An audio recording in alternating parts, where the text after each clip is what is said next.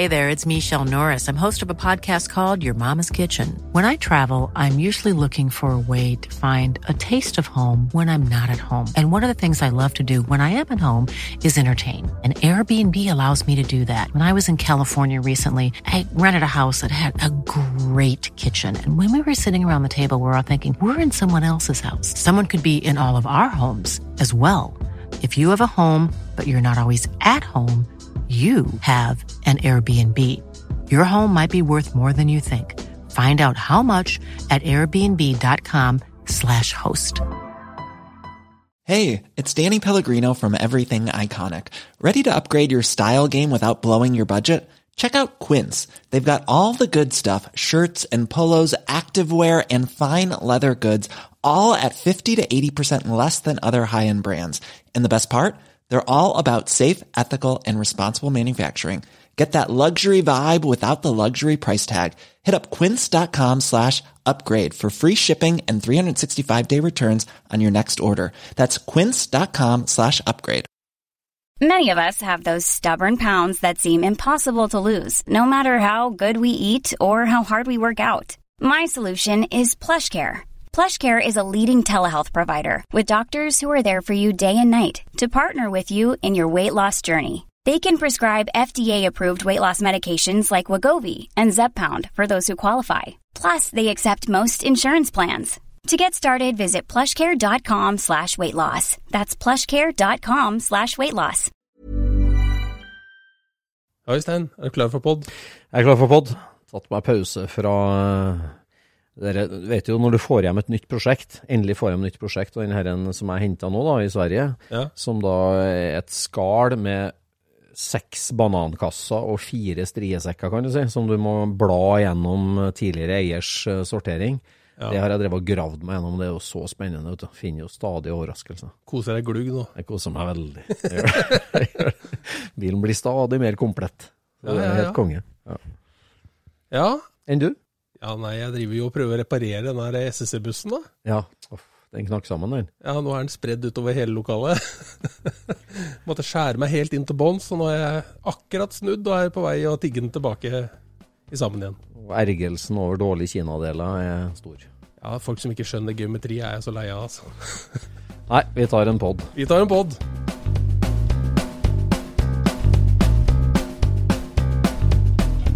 Du lytter nå til Scootspodden, en norsk podkast om klassisk bil med Jon Roar og Øystein.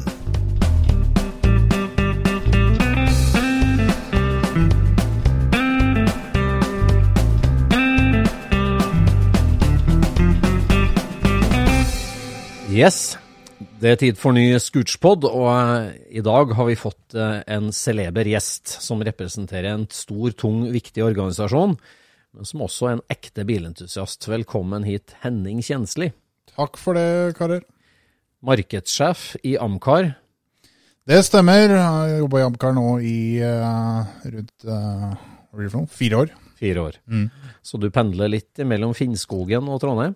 Det gjør jeg. Blitt veldig godt kjent med Østerdalen i løpet av fire år. Og kjenner vel hver krik og krok og alle fartsbokser og strekningsmålinger ganske godt.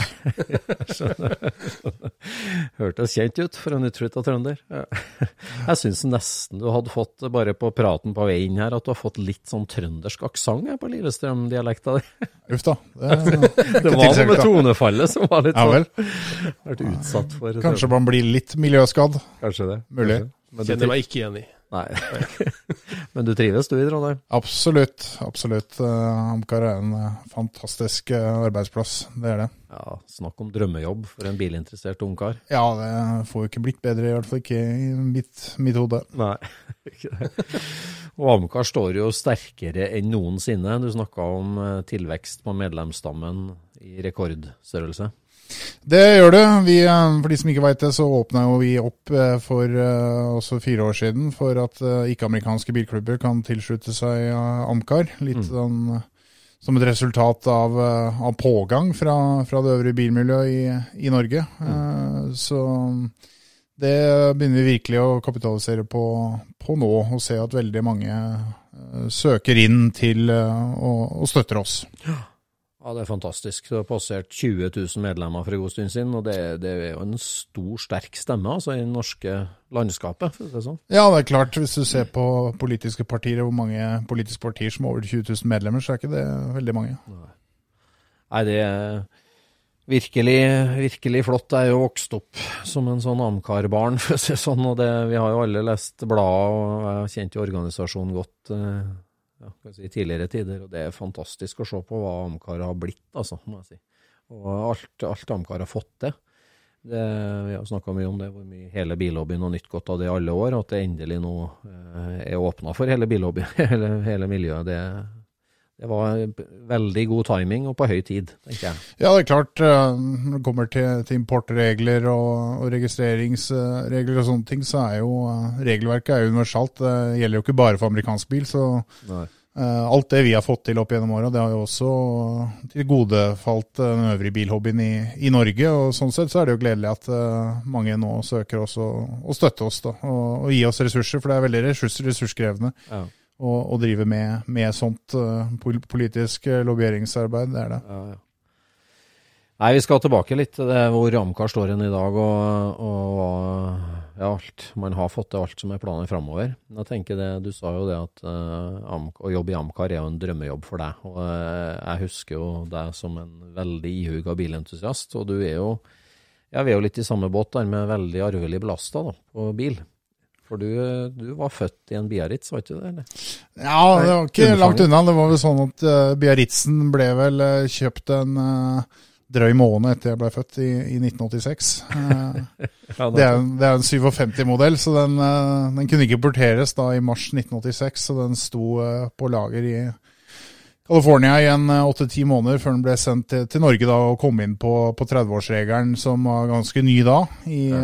i 687, eh, som, som Anka fikk til. Eh, og ble da påbegynt en, en lengre restaureringsjobb på, på den bilen. da. Så det Hvordan snakker vi om din far Harry Kjensli, Som, Det gjør vi, det som gjør vi. Uh, var eh, en sentral skikkelse i selvfølgelig Lillestrøm-miljøet og, og østlandsmiljøet først, og så eh, selvfølgelig over i Amcar-organisasjonen, har vært, vært styre, styreleder og president i mange år. mm. Og, og ja, i 86 var du født, ja. Og han Altså 57 Cadillac Eldorado Biarritz, det er jo, det er jo den bilen jeg forbinder med din far, og nå også deg. sånn. Og det var en sånn voldsom drømmebil for faren din òg, det. Det var det. Det begynte jo med en uh, artikkel i Amcar, faktisk. Uh, nummer 10 i 1979. Så var det en uh, stor reportasje på eh, tidligere skipsreder Peter Herlovsens eh, 1957 Cadillac Eldorado Biarritz, som ble solgt ny i eh, Oslo, på Majorstua Sørensen og Balken. Eh, trolig den dyreste privatbilen som ble solgt i Norge. 90 000 kroner i, eh, i 1957. Som da tilhørte en herremann fra Oslo, en annen Terje Kolstad, som det ble gjort da en reportasje på over jeg tror det var seks sider i, i Amcar. Så, da, Ja, den reportasjen husker jeg. ja, så den, eh, den brant seg jo da inn i, i eh, min fars sinn, og bestemte seg vel ganske fort for at eh, en sånn bil skal jeg ha en dag. Så det, det endte jeg opp med å kjøpe da sju, sju år etterpå, når 30-årsjegeren eh, muliggjorde det. Ja. Omtrent samtidig som han fikk sin sønn. Nettopp. Ja. Så du er vokst opp du, med en demontert 57 i garasjen og en lang restaureringsprosjekt? Ja, det ble jo et langt eh, prosjekt. Det var jo egentlig ikke tilsikta å bli sånn. Den var jo i ganske god kjørbar stand, eh, den bilen hans, når den eh, kom til, til Norge. Men det ble et par mangler ved førstegangsvisning, eh, har jeg blitt fortalt. Eh, Og så skulle det tas eh, første vinteren, og så ene tok det andre, og plutselig så lå bilen i, i molekyler. og 57 Eldorado Biarritz er en kompleks bil, Ja. så det er mange molekyler. å Ja, både restaurere og, og sette sammen igjen. Da. Så det gikk jo faktisk eh, 16 år. Så den bilen var eh, på veien igjen i 2003. Eh, Også etter eh, god hjelp eh, fra Minnesund Autoservice og Jon, Jon Bråten, som eh, sluttførte mye av restaureringen på den, eh, på den bilen. Ja, sånn. Akkurat. Den er hvit, ikke sant? Den er sølv. Ja, sølv. Unnskyld. Hallo. Den, er sølv. Den, den var hvit når han kjøpte den i Ja. California, faktisk. Ja, sånn, ja. Det viste seg at den hadde blitt eh, lakkert om hvit. Eh, Originalfargen er eh, sølv, Starlight Metallic, som eh, Cadillac kalte den fargen. Men det er jo eh, Ja, du, du blir jo litt sånn Ja, du som vokser opp i det der, da. Harry var jo en veldig aktiv organisasjonsmann og som drev hobbyen på, på mange plan, selvfølgelig. Og du opp Når, når skjønte du sjøl at du var øh, belasta? Nei, det, jeg vet ikke om det har vært noen sånn eh, aha-opplevelse på det. Det har bare alltid vært der, egentlig. Ja, det er det. Ja, jeg har det. Jeg har du noe skrudd i Ja, jeg har noen bilder fra familiealbumet hvor jeg driver og er med og, og hjelper til å demontere grillen på den her 57 Eldoradoen hans. Så da er jo latmannsarmen omtrent lenger enn meg. så, så det har vært der siden så lenge jeg kan huske. Altså, så har jeg vært med på både treff og i garasje og, og hjulpet til. Så det, sånn. så det er, eh, har vært der hele tiden. Men med fascinasjon for amerikansk bil, altså kom det jo en fascinasjon for USA òg, på en måte, og landet, eller? Ja, det gjorde nok det, og det, det kan jeg også da takke pappa for. Han øh, vokste jo opp øh, i, i Rælingen, rett på andre sida av elva for Lillestrøm, øh, på, født i 55. Så han hadde en onkel som emigrerte til Nord-Dakota i, i 57. Så når han var, var liten, da, så ble det jo sendt bilbrosjyrer og lekebiler fra, fra USA gjennom hele oppveksten. Og første gangen man skulle på, han skulle på ferie med, med, da, med mor i 77, så gikk jo turen til, til USA da besøke onkel Carl i, i Nord-Dakota. Og det starta jo da en veldig USA-fascinasjon i, i tillegg, da. Som, eh, som jo har eh, blitt også sendt ned videre til meg. Så jeg har jo også gått på, på skole, studert i USA og bodd, eh, bodd og jobba med forskjellige prosjekter der borte i seks-syv år. ja. Akkurat. Ja, hva, hvilken retning hadde du gått utdanningsmessig? Eh, Utdanningsmessig så studerte jeg business management, eh, entrepreneurship og, marketing management ved Florida Gulf Coast eh, University. Så det var fine seks år i, i Florida uten snømåking, og bruksbilen var en 69 Corvette Cab, så det var en fin studietilværelse. Hvor gammel var du da når du reiste over dit? Jeg var 18. Jeg var 18, ja. Mm. Så du gikk ferdig gymnaset på- i Lillestrøm, og så Ja, jeg tok en sånn international, eh, international baccalaureate-linje på Lillestrøm videregående. Ja. Alt er på, undervisning er på, på engelsk, som, eh, som eh, satte meg si godt i stand da, til å gå rett inn på en, en fireårig bachelor, eller dobbeltbachelor som jeg tok i, i Florida. Ja, kult. Det var ikke bare bare for en ung nordmann det, der. å komme seg dit og skaffe leilighet og korvett, eller gikk det greit? Ja, det var jo en veldig gunstig dollarkurs. Det, var noe helt annet da enn det var nå. Ja. Så Lånekassens midler strakk faktisk ganske langt. Til og med var med på å delfinansiere en 69 Korvett. Kanskje ikke snakke for høyt om, men Jeg skjønner. Ja, men det er jo fint sted å være da, med både Sebling og Daytona og uh, nærheten. ja, veldig. Og hadde jo også eh, romkamerater som, eh, som var interessert i bil, og det er en særlig som hadde en onkel og to fettere som kjørte sprint car racing, som Ja. er eh, skikkelig amerikansk som bakgårdsracing. Og. Veldig fascinerende. Altså, og fikk lov til å være med på flere sånne race, så det har virkelig gitt eh, bil enda mer bilballast. Ja, det er sånn cowboyracing. Det er Ja. sånn ordentlig eh, lørdagskvelderen noe Ja. mørkt og er klart. hotdogs. Ja. Ja. Men da eh, drev du og handla mye bil og jakta annen bil, kan vi si, for folk eller for far, eller hvordan eh, drev du? Nei, jeg har egentlig ikke, egentlig ikke drive med det. Nei. Når du bodde der, tenkte jeg på. Nei. Nei, ikke når jeg bodde der Nei, heller, så det var vel stort sett bare til eget bruk. Så Ja. det ble egentlig med den 69 Corvetten som jeg hadde med meg, meg hjem, da. Så Ja. var det en Det var en artig periode det i begynnelsen av 20-åra å, ha en eh, 69 Corvette. Ja. Så fant jeg etter hvert ut at det var litt for lite og litt for trangt å drive og skru og bytte vakuumslanger og sånt opp under dashbordet på den, så da blei den etter hvert solgt da når jeg flytta hjem i, i 2013.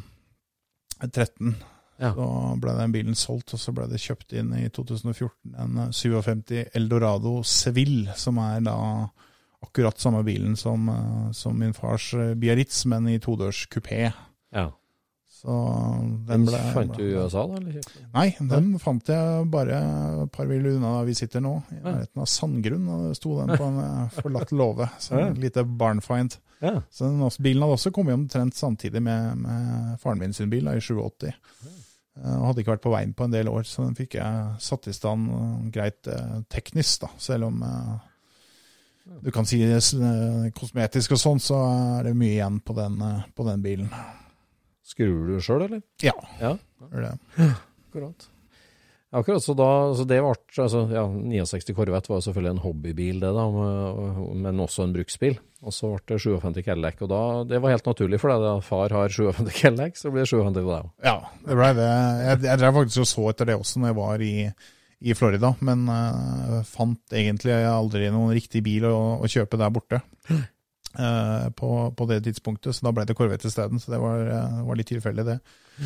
Så um, Men jeg har fått en kan du si, en veldig fascinasjon for det designet da, på, på 57 Cadillac Eldorado. Eh, også en fascinasjon sånn generelt for, for 50-tallsbiler. Det er en, I amerikansk bilproduksjon og, og internasjonal bilproduksjon så er det en epoke som vi aldri kommer til å få igjen. Hvor du hadde nytt karosseridesign hvert eneste år fra sånn 253 til begynnelsen av 60-tallet. Det er helt, helt eh, utrolig eh, hva man gjorde da, og, og endra så mye fra, fra hvert år til år. Det kommer jo aldri til å komme tilbake igjen, så det er utrolig fascinerende. Ja, og de linjene de dro da, og det er, eh, ja, Space Age, eh, finnene selvfølgelig, og det enorme krummen, alt der, det var jo helt vilt. Ja, og så hadde jo i tillegg også en voldsom innovasjon på tekniske ting, ikke sant. Eh, amerikanske biler var jo først ute med veldig mye forskjellig tilleggsutstyr, aircondition, cruisekontroll, elektriske seter og vinduer og tak og bagasjelokk og you name it omtrent. Ja, det, det er sant. Vi snakker jo mye om det i podden hvor eh, bra amerikanerne er til å drive bilhobby òg. Altså eh, bilhobbyen i USA, hvor sterkt den står. Altså alt med, med treffkulturen og blad og alt det der som vi har sett til eh, hele tida. Altså vi, jeg og Jon Roar, da, som driver med tysk bil- og folkevognhobby, veldig mye sånn, vi er jo veldig glad for alt amerikanerne De viste jo vei på hvordan du skal drive bilhobby, ikke bare med amerikansk bil, men mm. alt sammen. Og det, ja, det er helt konge. Ja. Hvor bra de gjør det konseptet der. For du, du tok jo grep eh, i forhold til det da å ta med eh, din kjennskap til USA og, og bil, og gjorde jo at du dro i gang det her initiativet med å ta biler over fra Norge for å kjøre cruising i USA. Det må Ja. du fortelle oss litt om, Henning. Det kan vi jo ta korthistorien på. Langhistorien ville jo vært eh, sikkert eh, en lang serie podcaster, men eh, vi kan ta kort, kortversjon. Den bunna jo litt i at eh, vi var ferdig med denne bilen til, til min far da i 2003. og Følte jo liksom i 2003-2004 at vi ikke fikk uh, brukt den nok, da. Uh, delvis pga. vær og, og sånne ting i, i Norge. Uh, skulle jo gjerne fått kjørt den en god del mer. og og hadde jo da lest uh, noen artikler i, i nettopp Amcar om å kjøre Route 66, som vel faktisk var skrevet til din far, tror jeg, Øystein. Så mm, da ble jo ideen litt sånn født om at vi måtte prøve å få bilen tilbake igjen til USA og kjøre alle veiers mor, kjøre Route 66 Ja. fra Chicago til, eh, til Los Angeles. Og eh, da utkrystalliserte det seg litt sånn en, en eh, dato og årstall, og det var å kjøre Route 66 da til eh, 70-årsjubileet for veien i 2006. Og startdatoen skulle gå da fra Chicago den 6. i 6. 06, 0606 AM. Skal vi legge ut da fra Chicago og kjøre 2400 miles til, eh, til Santa Monica i, i California. Ja, det her var jo før du flytta til USA, det da. Det var rett etter jeg hadde begynt. Ja. Jeg begynte høsten 2005. Ja, sånn var det. Eh, Det her var da sommeren 2006. Ja, akkurat. Så, men deler av turen ble jo planlagt allerede før jeg eh, flytta bortover. For det, det er jo et omfattende prosjekt når du begynner å ta med deg eh, utenlandske biler inn til USA midlertidig, og all logistikken rundt med det. Det er helt mindblowing, mind-blowing egentlig hvor, hvor mye jobb det er. Så Der vet jeg at du og far din gjorde jo en kjempejobb. For altså, min far har vært, vært med som, eh, som gjest og deltaker skal vi si, på, på et av de turene deres, og det var jo superimponert hvor proff dere var på arrangementet. Med tow truck og alt var klart, og rigga med hotell, og det var ja, papir, som du sier. Alt det var veldig proft. Ja, det her, det her var jo i Turniku i 2006, så det var jo før egentlig eh, iPhone, og du hadde kart på, på mobiltelefonen før du hadde app og kunne liksom kjøre Route 66 turn by turn. Så vi kjørte jo opp hele Route 66 i forkant, og hadde vært innom og inspisert alle hotellene vi skulle, skulle bo på. og Kjørt etter kartbok og, og veibeskrivelse som det gikk an å få, få kjøpt. da. Eh, og recorda alt det på en uh, laptop med GPS. Uh, Sånn at vi hadde helt klart for oss eh, alle dagsetapper og, og sånne ting. da. Herregud. Du og faren din, da, som drev var faren min som drev med det. Ja. Ja. Ja, det var det. Så, så Og så åpna dere opp da og inviterte norske bilentusiaster til å melde seg på ja, med bil. Det var jo egentlig Det var jo ikke mer enn at det var egentlig bare venners venner og word of mouth da, ja.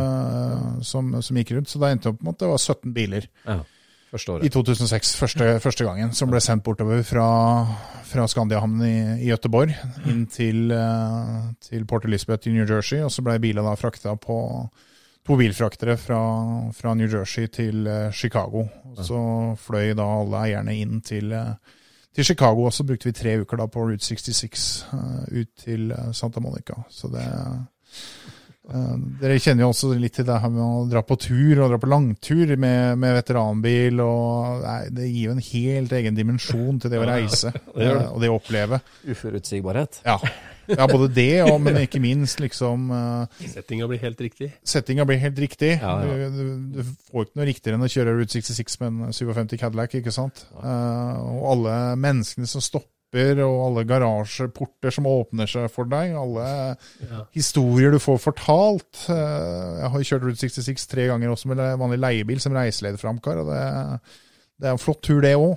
Ikke, ikke Men eh, den her, er gammel bil, den gammel bil, det er, det er noe helt eget, altså. Det, er- det er nesten You have to see it to believe it, for å si det sånn.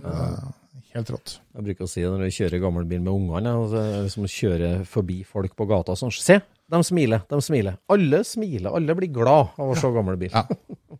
Nei, så den, den turen ga jo mersmak, da, ikke sant? for det, det var noe vi hadde jobbet med i nesten to år. og Når du da kommer fram til Santa Monica-turen er ferdig, ja, liksom, hva nå? Det blir jo litt sånn antiklimaks, ikke sant?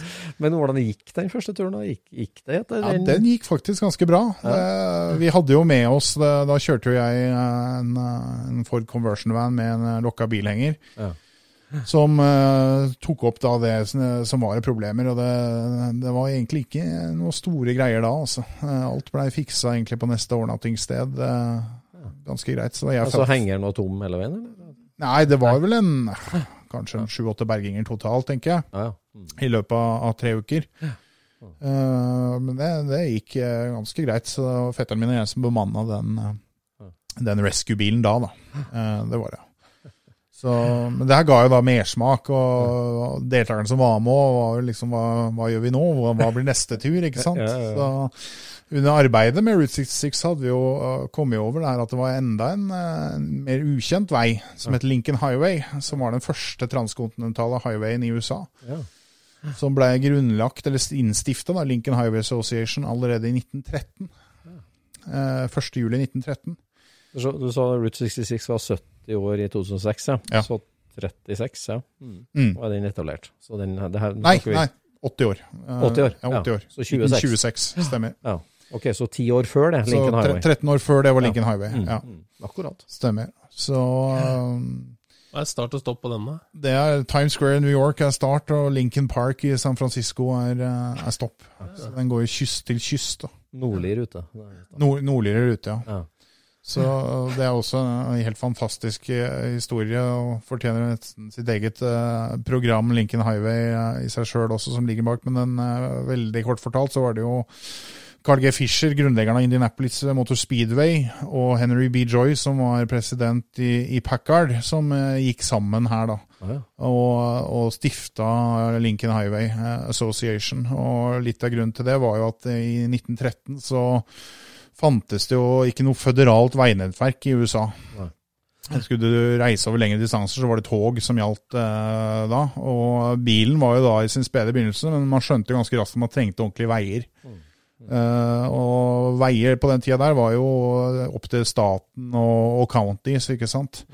Så da gikk jo da Henry B. Joy, som, som drev Packard, og Carl G. Fisher, som hadde stifta et eh, selskap som drev med sånne karbidlykter, eh, Presto Light Company, sammen for å, å bygge da en vei fra New York til San Francisco. Og man tenkte da at eh, det her ville virkelig eh, løfte bilen opp i en helt ny posisjon. At man liksom kunne kjøre fra Packard, ja, At man kan, kunne kjøre hjemmefra helt til San Francisco. Det, det Det, øke Det ville var øke ikke mulig før det.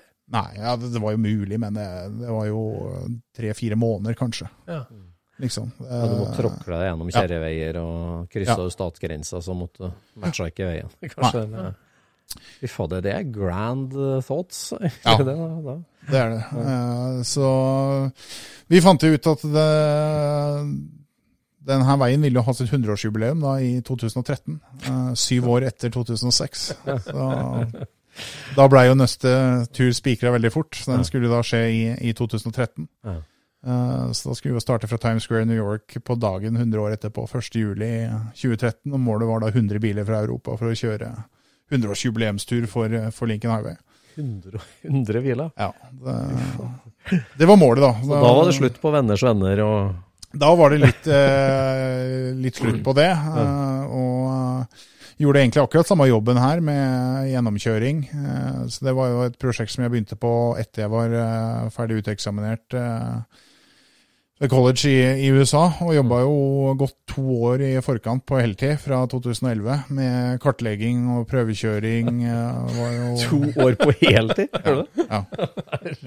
Og, Ja, for dere organiserte er som et firma registrert i USA, dere? Ja, ja registrerte firma som når du, når du får så mye kan si, om, omsetning, så, så kan du liksom ikke kjøre det gjennom privatkontoen. Det, det går ikke når det blir, blir så stort. Så vi endte opp med å bli 71 biler som ble sendt fra, fra Göteborg, da, og var med over 230 mennesker. 71 biler. Ja. Og dem, eh, ja, Nå var jo hele Europa, da, ikke sant? Eller, ja. Ja, det var i hvert fall hele Skandinavia, og så var det vel en eh, tysker med i tillegg. Men fantes det noen amerikanere som hadde tenkt samme tanken? da?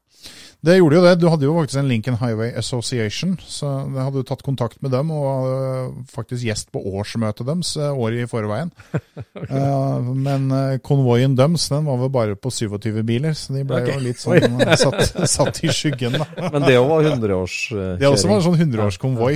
Men, Men, de, men av den Lincoln Highway, da, hvor mye av traseen går der den gikk, da, for å si det sånn? Eller går det, altså, grovt sett? altså det, er, det er jo lite av det opprinnelige veidekket fra 1913 igjen, det, det er det jo ikke. Men du følger jo, du følger jo en, øh, en rute, øh, grovt sett, hvor du er innom alle byene som den var innom. Ja. Eh, og særlig når du kommer litt lenger ut i Midtvesten, når du har passert Chicago, så er det jo veldig mye urørte byer og, og sånne ting. Da. Så det er, det er jo mindre kommersialisert enn det Route 66 har blitt. Så Ja, du kan klart. kanskje si at det er mer ekte opplevelse da, å kjøre Lincoln Highway enn det det er å, å kjøre Route 66. Men den veien, den heter Lincoln Highway i dag òg, ikke sant? Eller? Den het, altså Offisielt på kart så heter den jo ikke det. For du fikk jo i 1926, når Route 66 eh, kom, så blei jo den, eh, den ble jo innstifta som en del av det man kalte for US Numbered Route System. Hvor eh, alle veier skulle jo eh, designeres med nummer. Eh, oddetall nord-sør og partall øst-vest. Så da forsvant liksom det offisielle navnet alle offisielle veiskilt for Lincoln Highway. Det blei stort sett US Route 30, som, eh, som er Lincoln Highway i dag, da, som du følger. Men eh, det har jo vokst fram litt på samme måte som, som Route 66, den her historic og, og preservation-delen, hvor det er eh, satt opp skilt igjen, og sånne heritage-skilt eh, i, i visse stater. Det er det. Fy søren, for et prosjekt. Hvordan, hvordan markedsførte dere det her i Europa, da, eller i Skandinavia? da? For å... Det ble jo, Vi fikk jo en del eh, vi fikk jo oppslag bl.a. i Power Magazine, Finansavisa Motor gjorde story på det. Eh, Vi hadde jo Facebook-side og begynte med det allerede da. Og hadde jo en egen nettside også på, på prosjektet, da. Som, eh, som det ble annonsert, eh, annonsert via. Og så var vi rundt på en del forskjellige klubbkvelder og sånt nå, i, i Norge og Sverige. Og holdt foredrag da, om, eh, om turen. og fikk... eh, Av de 70 bilene, hvor mange var amerikanske biler av dem? da? Omtrent eh, Det var litt over halvparten som var amerikanske. Tror jeg, Noen og 40. ja. Og så var det eh, en god del eh, også europeiske biler på den turen her. Det var det, ja. Ja, det var det. Er det, er det noen fellesnevner på en, en entusiast som melder seg på en sånn tur, eller? Så av de 70, altså er, de, er det en fascinasjon for USA, eller kjøre bil, eller var det helt forskjellige folk, eller? Nei, det, jeg vil si at det var helt forskjellige folk. Ja. Det var det, altså. Du hadde, du hadde noen som jeg nesten vil klassifisere i svært utypiske bilentusiaster, som kjørte altså 77 Mercedesen til, eh, til mor, som mor hadde kjøpt ny. Ja. Bare satt den inn til Erik Arnesen og open check, egentlig. Bare den bilen her skal være helt i orden, helt teknisk, og ikke noe problem. Uh, trengte aldri noe, noe assistanse, helt til da eksempel Erik Gjermundsen som kjørte 57 Messerschmitt, Ja. ikke sant? Ja, han eh, modig mann har jeg snakka med. 200 liter bensin fra New York til San Francisco i en, eh, en 57 Messerschmitt. Det er, det er klart, da, da er du super, superentusiast, ikke sant? Superentusiast, altså. Så, så det, det var alle, alle, slags, eh, alle slags folk. Altså. Men jeg tror kanskje det felles var jo det, den eh, Great American Road Trip, og så få oppleve det. da. Ja. Det var en gyllen mulighet til å, til å få med seg det. Det var det, ja. En innsats og for en jobb av dere. To år på heltid å lede hele det koblet der. det- Ja, klart, Vi booka, booka jo over 4500 hotellovernattingsdøgn, spredt over 27 forskjellige hoteller fra øst- til vestkysten. Så det, og I tillegg skal da midlertidig eh, innfortolle 71 biler i, veteranbiler i, i USA. og Det er jo Sto du for det òg, altså det papirjobben? Ja, jeg måtte jo samle inn alle papirene, da. Ja. Og så hadde vi jo eh, heldigvis en veldig dyktig eh, fraktpartner da, i, New York som, som hjalp til med selve deklarasjonen der borte. Men eh, alle papirene måtte da sendes inn, ikke sant. Og det var jo en, eh, sikkert en 10-12 sider per bil. Som skulle undertegnes, og kopier av pass og fullmakter og alt mulig for, å, for å få det her til å gå. Så må du ha midlertidig forsikring. Ja, ja, ja. Det er jo ingen forsikringer i Europa som gjelder ved kjøring der. Det er å forsikre alle bilene på utenlandske skilt med utenlandske eiere og utenlandske førerkort til å kjøre i, i USA midlertidig. For det er jo et sted du virkelig ikke vil kjøre uten forsikring. Så, og det, det fikk vi jo brukt for. Og vi hadde jo eh, et par incidents. eh, En skikkelig stygg en i Chicago, en 59 Cadillac som ble påkjørt bakfra. Så det er bare et under, egentlig, at det gikk eh, tålelig bra med, med dem som var med. Men den bilen ble jo faktisk kondemnert der borte. Så den eh, kom, ja, den kom eh, Kom ikke hjem? Ikk- ja, den kom hjem senere. Det var en nordmann som eh, faktisk kjøpte vraket der borte av forsikringsselskapet og importerte den tilbake og restaurert, så den går på norske veier igjen i dag. Men uh, der uh, vi hadde jo også noen utrolige opplevelser. Vi fikk invitasjon til å være med i den offisielle 4. juli-paraden i Washington DC, så vi hadde med 41 biler og kjørte Constitution Avenue. Eh, ned foran Det hvite hus med kanskje en 30 000-40 000 tilskuere på hver sin side. Helt eh, fullt politieskorte fra en sånn suburb hvor vi møtte, møtte eller hvor vi staga, da, altså inn på The Mall eh, på Washington DC, Ja, i Washington DC. og så Altså den veien går innom Washington DC? Altså. han gjør egentlig ikke det. Han uh, holder seg oppe i, i Pennsylvania. Ja. Men uh, vi visste at vi ville passere Washington DC i området 4. juli. Ja. Og kom da i kontakt med en, en fyr som, eh, i, via Cadillac-miljøet som tilfeldigvis satt i den 4. juli-komiteen i Washington DC. Og når han hørte om det her prosjektet, så sa han dere må jo komme og være med på paraden, ikke sant. Eh, så det ble en hot ticket å komme inn der, da. Så det, det må omtrent være den aller, eh, aller råeste bilopplevelsen å komme inn der. Altså, Ja, med, det tro. det var det. Da snakker du publikum. Ja. Ja. Da Så- hadde du noe skilt på bilene som fortalte litt hva det var for noe, eller? Altså, Ja, Norwegian Cars? ja, eh, det var vel Vi hadde vel egentlig ikke det. Vi fikk lov til å kjøre med, med hengeren vår eh, bakerst i tilfelle noe skulle skje. Ja. Eh, og det gjorde det faktisk òg. Min far han, eh, Det var veldig varmt den dagen. Det var en 7-38 grader eh, i skyggen i Washington. Skal du kjøre på tomgang omtrent, eh, Ja. en eh, 6-7 kilometer nedover Constitution Avenue, så hadde han montert elektrisk eh, kjølevifte. Og klarte jo da på lavt turtall ikke å lade nok, så han gikk tom for batteri. Oi. Midt i paraderuta. Nei. Eh, så vi, vi hadde jo heldigvis eh, ekstra batteri bak i, i hengeren, så vi gjorde jo et eh, batteriskift omtrent on the fly mens bilen ble, ble dytta langs med ruta. Da. Og, og starta opp igjen. Da. Og publikum trodde jo nesten det var en del av showet, virka det som. Så det var jo full jubel vet du, og applaus når bilen starta igjen. Og kunne kjøre videre. Svetta litt han Harry da, eller? Han gjorde det. Han gjorde det. Jeg minnes jo noen bilder med noe Var det girkassebytte i en motellparkeringsplass, eller var det noe Mot, sånt? motorbytte. Motorbytte. Ja. Motorbytte, ja. Det var faktisk en eh, 47 Chevrolet Fleetline fra, fra Ørje som eh, på den eh, etappen etter vi var ferdig i Washington DC, så skulle vi kjøre opp til, til Pittsburgh, og det var jo fortsatt veldig varmt. Og i en lang oppoverbakke, seig oppoverbakke i Pennsylvania, så mistet han liksom all motorkraft. da, og sikker på at det var toppakningen som hadde gått. så... eh, han hadde heldigvis eh, to sønner, eller en sønn og en eh, var det nevø, som var veldig kyndige og skruivrige karer. da. Som Så- var med og satt på. som var med i den bilen. Ja. Så de heiv seg på, og vi satte opp eh, depotlysa på, på hengeren, og de skulle bytte toppakning i løpet av den natta. Eh, Og så våkner jeg opp neste morgen, og da ligger det tekstmelding da, fra, fra, fra eieren, hvor det står uh, 'hull i stempelet'. Nå er gode råd dyre. det var jo altså dag nummer fire av fire uker, ikke sant? Oi, oi. Uh, Så han så jo litt mørkt på ting, da.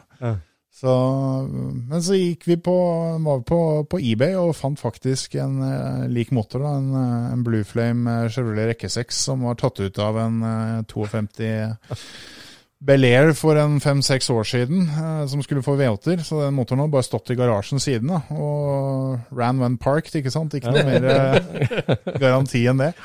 Den lå da til salgs nede i Indianapolis. Da fikk vi utstyrt de, de her to, eh, to gutta med en sånn U-Haul truck.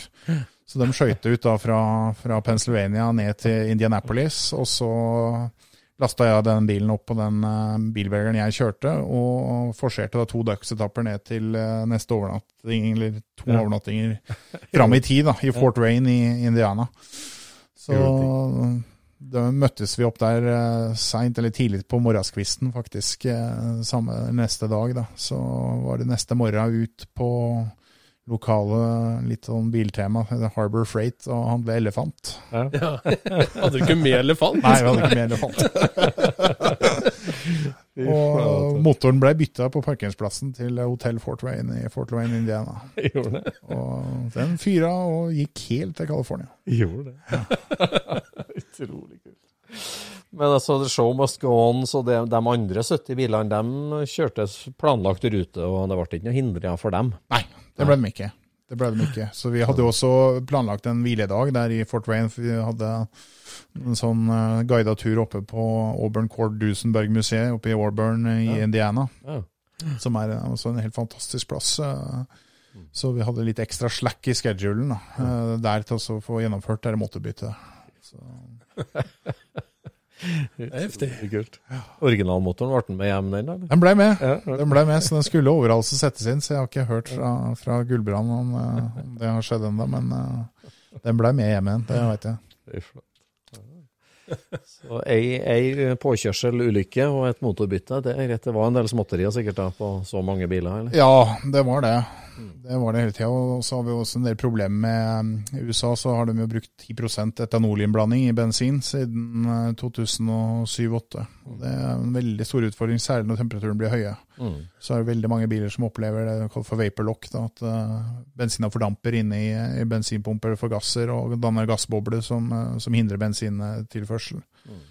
Så det, det er vel det man egentlig sliter mest med på en sånn type tur i, i varmt vær. For det er vanskelig også å simulere det her i Norge, hvordan bilen din kommer til å reagere på sånne temperaturer og sånn type bensin. Hva er fiksen på det, da? Det er jo forskjellige fikser på det.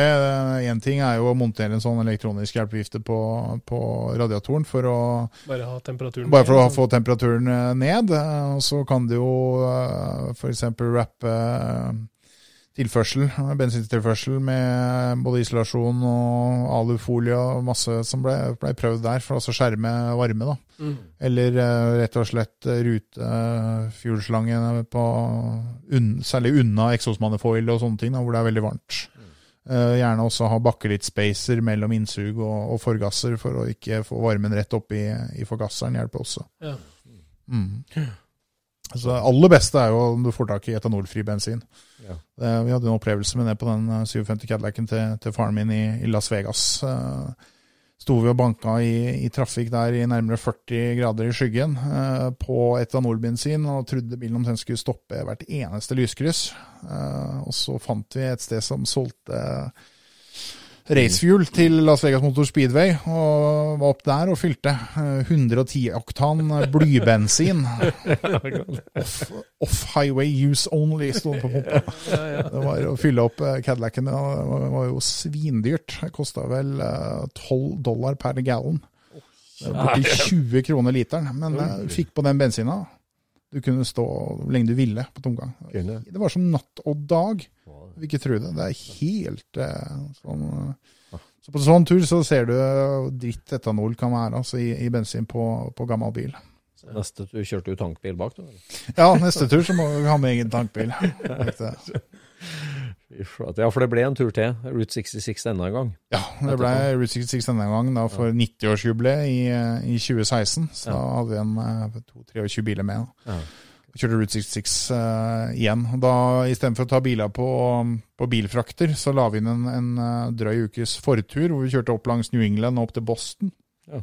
Uh, og kjørte videre vestover, da. Uh, inn til, over til Niagara Falls. og var en tur gjennom Canada og kom inn til Detroit, Uh, hvor vi fikk invitasjon av General Motors til å bli omvist til deres eh, Heritage Collection oppe i Sterling Heights i, i Michigan og se alle disse veldig spesielle konseptbilene som, eh, som eh, jeg har drømt om å se lenge. da. Så det, så det var en veldig spesiell opplevelse. Eh, veldig artig.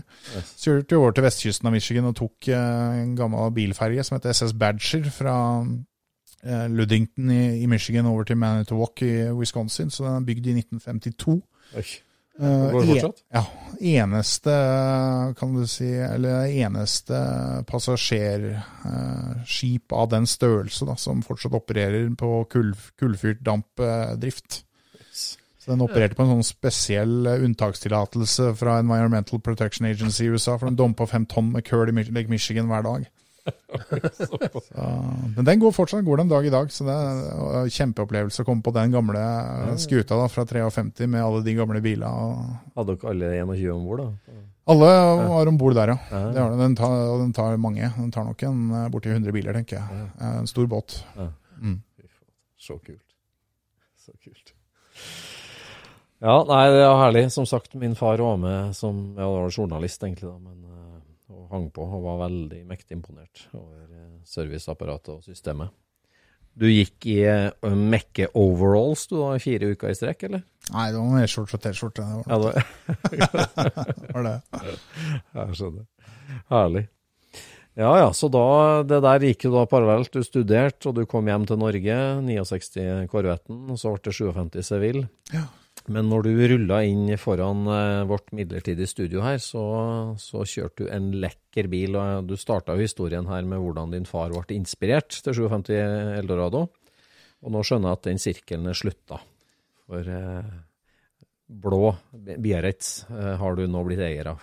Det stemmer. Det dukka opp da i, i fjor høst. eh, Så fikk, kom det meg for, eh, for øre da, at den, eh, den bilen som da var inspirasjon til, til pappa, var til salgs. Eh, tok jo da kontakt med, med eier og eh, har aldri sett den bilen, bare hørt om den, ikke sant? og sett, mm. sett reportasjen og, og bilder av den. Men eh, Aldri sett den, da. Eh, Så fikk jo anledning til å komme ned og, og inspisere den. og Det ble et uh, hyggelig bekjentskap med, med Espen Kolstad som, som eide den da, og ble enige om at den bilen uh, skulle få en god framtid hos oss. da. Så det, det er veldig hyggelig at den uh, har endt opp i, i samme garasje faktisk som, som min fars bil og, og min Seville, som jeg fortsatt har. Så trippel 57 nå, altså i garasjen oppå. Trippel 57 Eldorado i, i garasjen hjemme. Men din, din største konkurrent og budi som du bøy imot, da, var det faren din, da, eller? På kjøpen? eller? Nei. Nei, han, han lot meg nok få den. Ja. Jeg gjorde det. Det, det, var, det var egentlig ikke noe, noe plan fra, fra min side heller at, eh, at man skulle ha tak i den bilen, men eh, når muligheten bøy seg, så ble det veldig veldig vanskelig å ikke eh, strekke seg etter, eh, etter den. Altså, når man har så, så hekta på akkurat 57 Eldorado som jeg har blitt, så, så blei det helt naturlig, faktisk. Eh, Og særlig da med den spesielle historia som den bilen har, i og med at den er solgt ny i, i Norge på europaspesifikasjoner med kilometer, speedometer. og Jeg veit ikke akkurat hvor mange som gikk til Europa, men det er nok eh, under en håndfull sånne biler som ble solgt ny i Europa. Ingen i Sverige eller Danmark, faktisk. Så den eneste i Skandinavia, i hvert fall. Hvor mange 57 Biarritz finnes det i verden i dag, da? Regner vel med at det kanskje er opp mot en uh, 500 biler igjen, tenker jeg. Ja. 500 biler. For det finnes eh, en egen klubb eller eget, eget register for det der, eller? Nei, det, det å gjør ikke det. Eh, det gjør det ikke. Det er jo egentlig, så vidt jeg vet, jeg som har flest eh, dokumentert det. Jeg har et eh, privat privatregister privat register eller oversikt hvor jeg har eh, bilder eh, og notert ned serienummer på omtrent eh, 300 biler. Ja. Eh, som jeg har dokumentert opp gjennom åra. Sitter sittet og fulgt med på alt som har vært av eBay-auksjoner og annonser og alt, og alltid fått uh, skrive etter og fått bodynummer. Da, så jeg har fått ned, så jeg har veldig god rekord på, Ja. på de bilene. Da. Ja. Mm. Det er rart altså hvor nerd vi blir i Ja. bilhobbyen når Ja. du henger deg opp i det. tror jeg sånn. Blir, det, er jo helt eh, For, for andre folk som kikker inn på det, det er jo galskap fullstendig. Det, jeg kjenner meg 100% igjen, så det er helt Ja. normalt for meg. Men Ja, det er jo, det er jo ja. Det er rart altså med det, det, vi- altså den rusen som bilhobbyen gir på noe sånt som det. Ja. Hvorfor blir vi sånn? det, er ekstremt. Mm. Er altså. Ja, så Amcar-jobben, da, det var jo en drømmejobb og helt naturlig eh, videre springbrett for deg når du kom hjem fra USA, da? Eller du, du jobba litt i Norge først, eller? hvordan? Nei, egentlig ikke. Så gjorde jeg ikke det. Det, det gikk litt eh, fra, fra tur til tur, egentlig. Så det Amcar eh, At det åpna seg en, eh, en mulig jobb der, da, i, eh, i 2016. Eh, Så jeg begynte jo der egentlig rett etter den siste turen vi gjorde i, i 2016. Ja, sånn da. det. Så gått rett fra egne prosjekter egentlig til å jobbe for, eh, for Amcar. Ja. ja. Har du planlagt noen ny tur over, da, eller? Ikke håndfast, Nei. jeg har ikke det. Det er jo litt begrunna i den veldig høye dollaren som vi har om dagen. Det er veldig vanskelig å sånn tur blir jo fryktelig dyr på en dollar opp mot ti kroner. Ja. Den er dyr nok på en dollar på både seks og sju, så, Ja. Så på ti kroner så er det nok eh, har nok ikke vært mange deltakere, for å si det sånn. Det, du er avhengig av å ha et visst antall deltakere for å kunne spre ut kostnadene og få det til å gå rundt. Så. Ja, det er klart. Mm. Men eh, Amcar arrangerer jo en del turer der du ikke har med deg bil. Selvfølgelig, som du har vært kjent med han på. Ja, eh, arrangerer jo både turer til eh, Route 66. Jeg har jo også begynt å kjøre Lincoln Highway i ettertid. Mm. Eh, Sema-tur har vi kjørt i borti 25 år nå, tenker jeg. Mm. Tur til Sema. Eh, og så har vi også begynt å kjøre i Europa. Vi har kjørt Goodwood-tur nå to ganger. Ja. Goodwood Revival. Ble veldig populær. Vi hadde jo faktisk eh, over 130 påmeldte til turen som skulle gå nå i neste helg, blir det vel. Nå i begynnelsen av september. Dessverre så er det kansellert, som eh, det meste andre annet her i, i år. Og så har vi også begynt å snuse litt på å kjøre europaturer, så vi hadde jo egentlig på plakaten å kjøre en europatur nå i, i, i juli i, i år. Det også har jo selvfølgelig falt ut. Uh, vi teller vel litt på knappene om vi skal gjøre det neste år, eller heller virkelig satse stort igjen i, i 2022. Ja. Og kjøre en um, stor uh, euro, europasving og være innom mye av bilseverdigheter i, eh, i Europa, men også ta med seg litt Riviera og Alper og, og sånne ting. Da. Kjøre det med egentlig med følgebil og sånne ting, at du kan kjøre en, en entusiastbil i, i trygge rammer. Da, sånn litt av et mal av hvordan eh, turene som jeg har arrangert i, i USA. Ja, du har konseptet klart, du, på det. Ja. Erfaringa der. Ja. Men eh, Amcar-organisasjonen, da, og din eh, Du fant deg fort til rette da, der i, i miljøet i Trondheim og, og klubbdrifta? Ja da, jeg det. Kjente jo de aller fleste som, som jobba i Amcar. Og, og det var jo en veldig naturlig arbeidsplass for meg å, å utfolde meg i. Så det, det er veldig givende å kunne bidra til å, å jobbe for, eh, for bilhobbyen i, i Norge. Og både opprettholde og forbedre vilkår for alle som driver med, med bil som hobby i, i Norge. Det er jo veldig givende når man har sånn, sånn interesse som det, det jeg har. Vi snakka litt om det Jon Roar tidligere i dag, at uh, altså en, av ting, en, av uendelig mange ting som Amcar har fått til, det er jo det her med at amerikanske bilskiltstørrelser nå går an. Så, uh, I Norge mm. så lurte vi på om uh, vi med tyske biler egentlig var litt sånn diskriminert der. Om, om det er bare lov på en amerikansk bil. Det er, ikke, på, det er ikke bare lov på en amerikansk bil. for, det, hvis, bil, for hvis, den tyske bilen er solgt ny i USA, så er det jo lov. Ja, det er det. Akkurat. Det er, lov, det er sånn, altså? Ja, ja. Det er det. Det er ikke fysiske begrensninger på bilen som gjør det heller? Nei, Til en viss grad så er det jo det. For hvis du, kjøver, hvis du kommer med en, en, amerikansk en bil som er importert fra USA, da, som har eh, plass rundt ja, ja. til et stort skilt, ja så skal du bruke et stort skilt. Men hvis den, av, den avsatte Jeg tror regelen er sånn at eh, hvis den avsatte plassen til kjennemerket er for lite oh, ja. for eh, standard norske skilt, ja. så har du rett på, på alternativt format. Da. Ja, akkurat. Mm. Da blir det vanskelig med bobletrykk. Da sliter litt med boblene der, ja.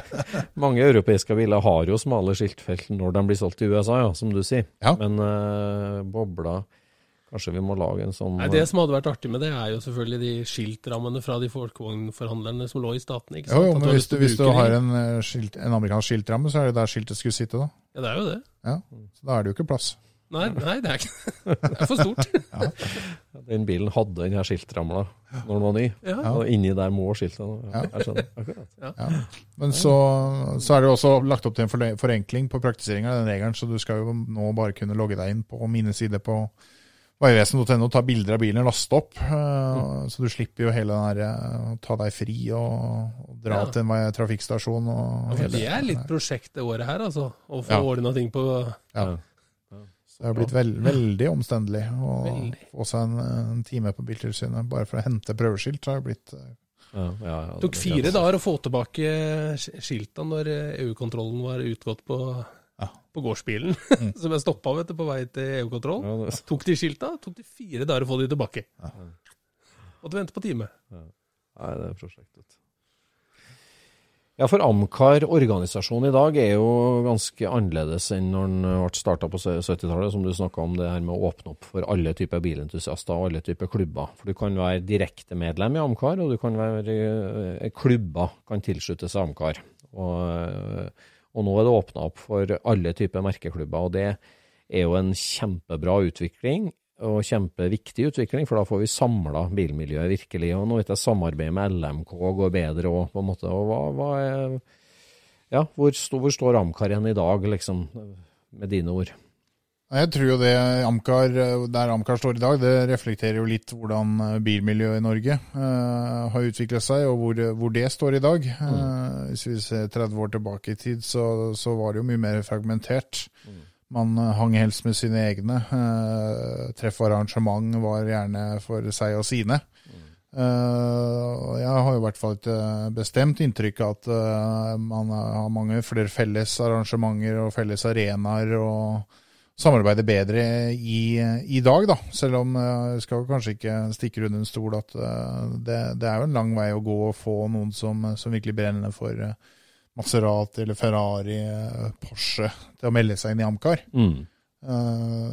Det, det, har vært sikkert barriere både for, for, oss og sikkert for dem. Men det er klart, når man ser hvor langsiktig og profesjonelt Amcar som organisasjon har jobba på vegne av norsk bilhobby, så, så skjønner man at det er det som er viktig, og ikke, ikke det organisasjonen heter. Nei. Nei, nei. Nei, og man skjønner hvor mye man har til felles, tenker jeg. Altså, vi har jo samme mål. Eh, Ja. Veldig mye. og det er tydelig. Nei, jeg, tenker, altså, Bilmiljøet og bilentusiastene har jo modna seg veldig de siste tiårene, syns jeg. Altså, det har blitt Altså sånn eh, Bilrasisme var det jo liksom veldig før, at du, som du sier, du holdt deg veldig for deg sjøl, men det har blitt veldig stuereint nå. og Selv om du er interessert i si 50-talls Cadillac, da, så tør du å kjøpe igjen din gamle Golf GTI som du hadde når du var 18 år, liksom, og det er kult. Og ja, Cars and Coffee-konseptet på en måte som har tatt ned alle barrierer, helt fra gatebil til T-Ford, nesten. Ikke sant? Så det, alle har blitt mer altslukende. og ikke bare liksom at du aksepterer andre, men du har liksom blitt litt sånn interessert i mye andre ting òg. Det føler jeg at øh, ja. Så føles det jo som vi får flere og flere felles eh, utfordringer òg. Ja, vi gjør jo det. Så vi er vi- nødt til å stå samla på. Vi, vi står jo overfor det, ikke sant. En, mm. en gammel Fiat går jo akkurat like dårlig på etanolbensin som en gammel Cadillac. Ja. Eh, Ja. Så Snakka av erfaring, du nå. Ja. Gjør det. Nei, det er sant. Nei, det er virkelig flott, det der, altså. At, eh, hva, er, hva, er, hva er store kampsaker framover nå, da, si, som uh, Amcar jobber med? Ja, det er klart, den, store er jo nettopp med, med etanolbensin. Mm. Eh, å sikre tilgang til et, eh, et godt drivstoff som, eh, som bilene våre kan gå på. Mm. Så er det jo det her med, med forbud og forbudssoner, at vi sånn, eh, litt sånn utilsikta kan bli ofre for det. Vi hadde jo en stor sak på det i, i Frognerparken i, i vinter. Eh, som blåste seg ut av alle støvleskaft og proporsjoner. Ja, en- en- en Da var du på. TV-debatt. Ja, var- faktisk eh, til og med det. Så, så det er klart, sånne, sånne ting er det. Der er det viktig å, å være synlig og, og stå opp for, eh, for sine rettigheter. At man, man fronter bil og bilhobby som, som kultur, som det, det virkelig er. eh, og, og skape en forståelse for det. Mm. Det, det er viktig. Eh, og så har vi jo ja, Vi har jo fått eh, Norsk kjøretøyhistorisk museum. ikke sant? Det er en sak som vi jobber for lenge. At eh, staten endelig har anerkjent eh, kjøretøy som, som kultur, og avsett midler til det på, på statlige, med statlige midler. Det er jo fantastisk. Ja, ja. At Kulturminnefondet òg nå åpner opp for rullende materiell og ikke flytende fartøy, bare. Ja. Jeg har søkt to ganger sjøl før og fått avslag for at det, de ruller og ikke flyter. Ja. Så det er helt konge at det har kommet dit. da. Ja. Nei, Det er en veldig fin innfallsvinkel, tenker jeg, med kultur og, og Ja, så en, ting er jo alt eh, den politiske jobben og hele, hele den sida. Vi har jo også eh, litt for oss å vise at vi, vi mener det vi sier, da, så lanserte vi jo for eh, snart to år siden refuel.no, som, eh, som skal være tilbudet til eh, hele bilhobbyen når det kommer til, til underholdning. Vi har jo Amcar Magasin som vi har eh, publisert siden 1975, så istedenfor å begynne å dra inn europeiske biler eh, der, eller lage et nytt papirblad i 2018, som det var da vi lanserte Refuel, så fant vi ut at eh, fremtiden den, den er jo digital, og skal man også rette seg mot litt yngre publikum, så er det jo en fordel å, å satse digitalt. Da. Så det, det er jo en langsiktig satsing som vi, som vi driver med i Refuel. mm. Ja. Ja, det er et kongekonsept. Jeg har sett mye av eh, filmsnuttene sjøl. Et sånn norsk Petrolicious-variant. Det er fint laga. Ja, veldig fint laga. Ja, takk for det. Veldig bra. Det, det er skikkelig bra. Nei, det, det er viktig, det tenker jeg. Der med, altså, vi snakker, det blir ofte snakka om Amcar med det her med rammevilkårene og politisk, og pushe på liksom de vanskelige tingene. Men det derre eh, skal jeg si, frukten i bilhobbyen, eller det som liksom gleden til entusiastene, og, og dele det. Altså det dere gjør med å arrangere treff og turer rundt om hele Norge. og disse roadtripene som er arrangert, og liksom dere, ja, det som er virkelig er fruktene i hobbyen, da, og mm. man nyte og stimulere det, er veldig viktig, sjølsagt. Ja. Så det, det, det er Amcar veldig flink på. Altså. Så hva er de siste skal jeg si, rare bilmerkeklubbene som er tilslutta nå? Eh, Rare bilmerkeklubb. Nei, det er ikke lov å si det, kanskje. Citroën 2CV-klubben, var innom er dem med, eller? Nei, de er faktisk ikke det. det ikke de har jo fått med SM-klubben er med. Ja, akkurat. Eh, Citroën SM-klubb Ja. eh, Norge. CX-klubben er med. Ja. Eh, vi har også flagget, fått flagga interesse fra XM-klubben. ja. Så, eh, Så jeg tror- jeg, jeg tror snart jeg må ta en, eh, en telefon til min gode venn Morten i, i 2CV-klubben og høre om det ikke er, er tid for et medlemskap Ja, ja. Ja, for han var med og kjørte kyst til kyst, han, var ikke? Med- Ja, Ja. han var på bryllupstur med, med sin eh, nye kone i 2013 og kjørte Citroën 2CV fra New York til San Francisco. Ja, i 2CV. Akkurat. Det er drømmen. Ja, det er det. Klart For han så var det sikkert den aller største drømmen. Ja, det var det. Ja, herlig. herlig. Er herlig. Får du tid til egen bilhobby nå, da, når du pendler til Trondheim og, og driver så mye organisasjonsvirksomhet? Ja, det blir jo, eh, det blir jo litt tid i det. Det gjør det absolutt. Jeg syns jeg husker et sånt Wagonair-prosjekt òg, Ja, ja. Det er jo litt fordelen. da, Når du, når du pendler, så kan du ha én hobbygarasje der du jobber, og én der du bor. Ja, akkurat. Så Vagonierprosjektet det er stasjonert i Trondheim og er ferdig lakkert der oppe og venter på, på montering. Oh, ja. Så det kan, det, kan jeg, det kan jeg jobbe med på kveldene de, de ukene og de dagene jeg er i, i Trondheim. Så kan jeg jobbe hip og Ja. eh, hjemme på, på formen Farmen, så blir det gjerne Cadillac, da. Ja, skjønner. Så du driver og sjekker inn verktøy opp og ned? Nei, du Ja. flyr kanskje ikke? Nei, du kjører bil? Nei, jeg kjører mest bil. Ja. nå har det vel eh, blitt sånn at jeg har kjøpt inn to sett med verktøy. Ja, ja. Blei mest, ble mest biltemaverktøy oppe i, i Trondheim, da, mens uh, Mac-tools og, og Snap-on-samlinga fortsatt er hjemme. Ja, for da bygde jeg opp en sånn ordentlig eh, skal jeg si, Nashville Ranch du, oppe i skogen der.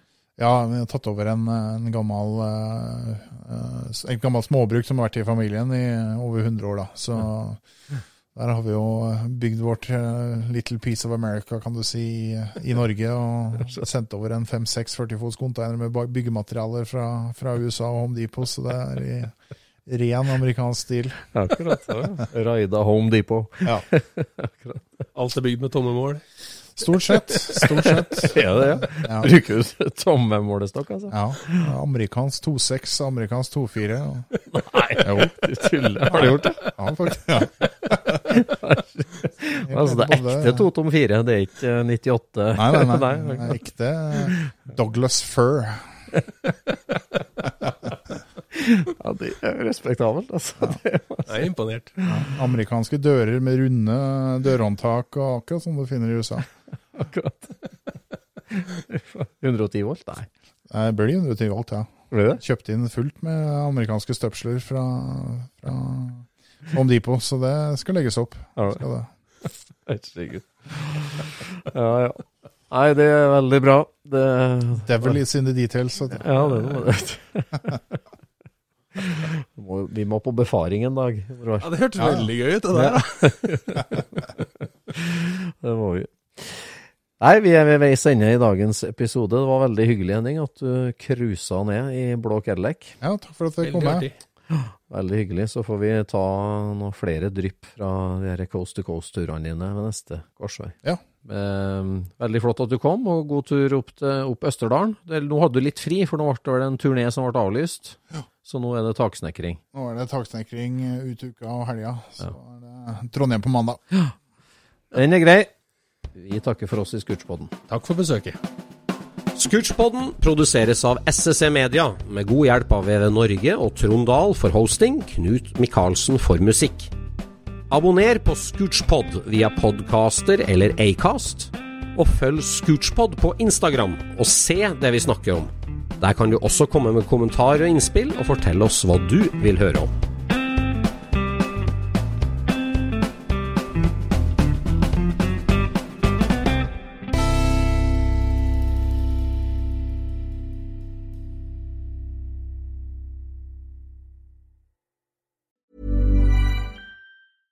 Want flexibility? Take yoga. Want flexibility with your health insurance? Check out United Healthcare Insurance Plans. Underwritten by Golden Rule Insurance Company, they offer flexible, budget friendly medical, dental, and vision coverage that may be right for you. More at uh1.com. Planning for your next trip? Elevate your travel style with Quince. Quince has all the jet setting essentials you'll want for your next getaway, like European linen, premium luggage options, buttery soft Italian leather bags, and so much more. And it's all priced at 50 to 80% less than similar brands. Plus, Quince only works with factories that use safe and ethical manufacturing practices. Pack your bags with high-quality essentials you'll be wearing for vacations to come with Quince. Go to quince.com slash trip for free shipping and 365-day returns. Mom deserves the best, and there's no better place to shop for Mother's Day than Whole Foods Market. They're your destination for unbeatable savings, from premium gifts to show-stopping flowers and irresistible desserts. Start by saving 33% with Prime on all body care and candles. Then get a 15-stem bunch of tulips for just $9.99 each with Prime. Round out Mom's menu with festive rosé, irresistible berry chantilly cake, and more special treats. Come celebrate Mother's Day at Whole Foods Market.